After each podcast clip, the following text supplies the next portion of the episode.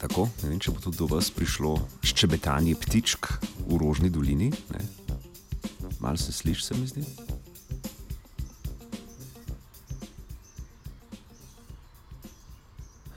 Uh, ja, to je pomembno ne samo zato, da bi vedeli, da smo res v Rožni dolini in da bi, um, ali pa da bi poslušali res eh, prijetno jutranje žgolenje teh letečih objektov, ampak uh, zato, ker bomo v današnjem znanstvenem Britofu ob 7 in 17 minut zjutraj v ponedeljek 28. maja 2018 ščebetali o jakosti oglašanja živali. Zdaj še rima mi ratala, še rima mi ratala, ne nadejano.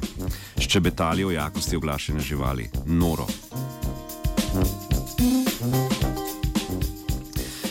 Mnoge ptice in sesalci, vključno s človekom, so razvili različne načine proizvajanja zvoka za komunikacijo.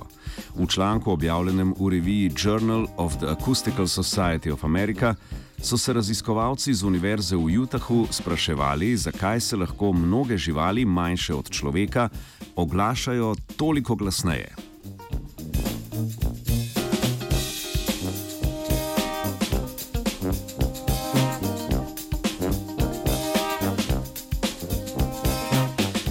Pri ljudeh se za zvok porabi le približno en odstotek izdihanega zraka, medtem ko nekatere živali med oglašanjem izkoristijo celoten volumen izdihanega zraka.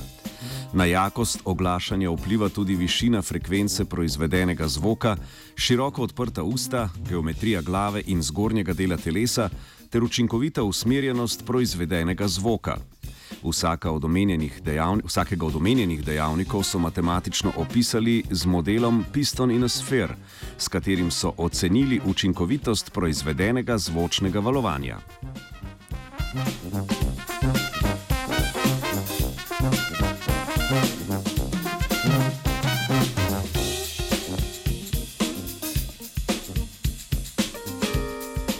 Živali zvok proizvajajo tako, da počasni tok zraka iz pljuč z mišično aktivnostjo spremenijo v hitro nihajoč tok, ki trese membrano govornega aparata.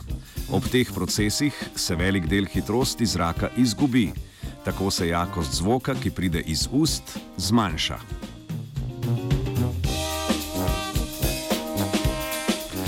V živalskem svetu oglašanje v grobem delimo na oglašanje na velike razdalje, pri čemer je pomembno, da je uporabljena največja moč zvoka, in na oglašanje na kratke razdalje, pri katerem je navadno melodija bolj kompleksna, saj ta nosi informacijo za poslušalce.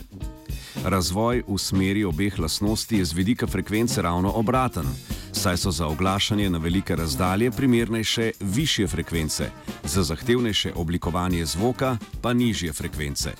Mnoge živali pa se poslužujejo obeh načinov komunikacije.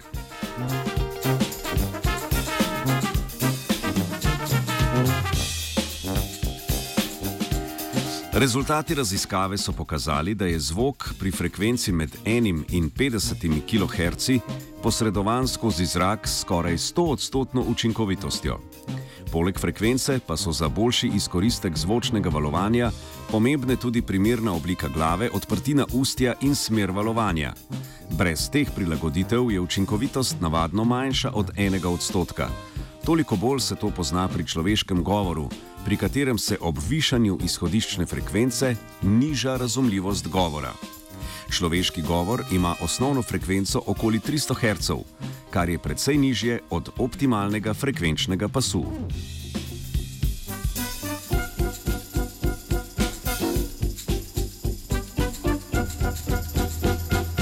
Potiho se je oglašala Urša, z brundanjem sem k večji razumljivosti besedila prispeval napotnik, džizi, kolesari.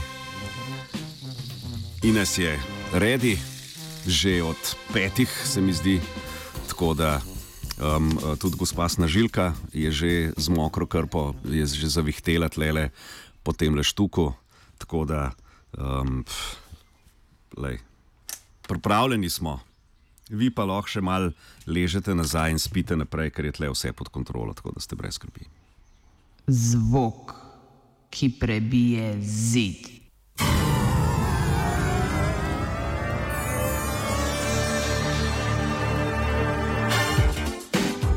Radio Student.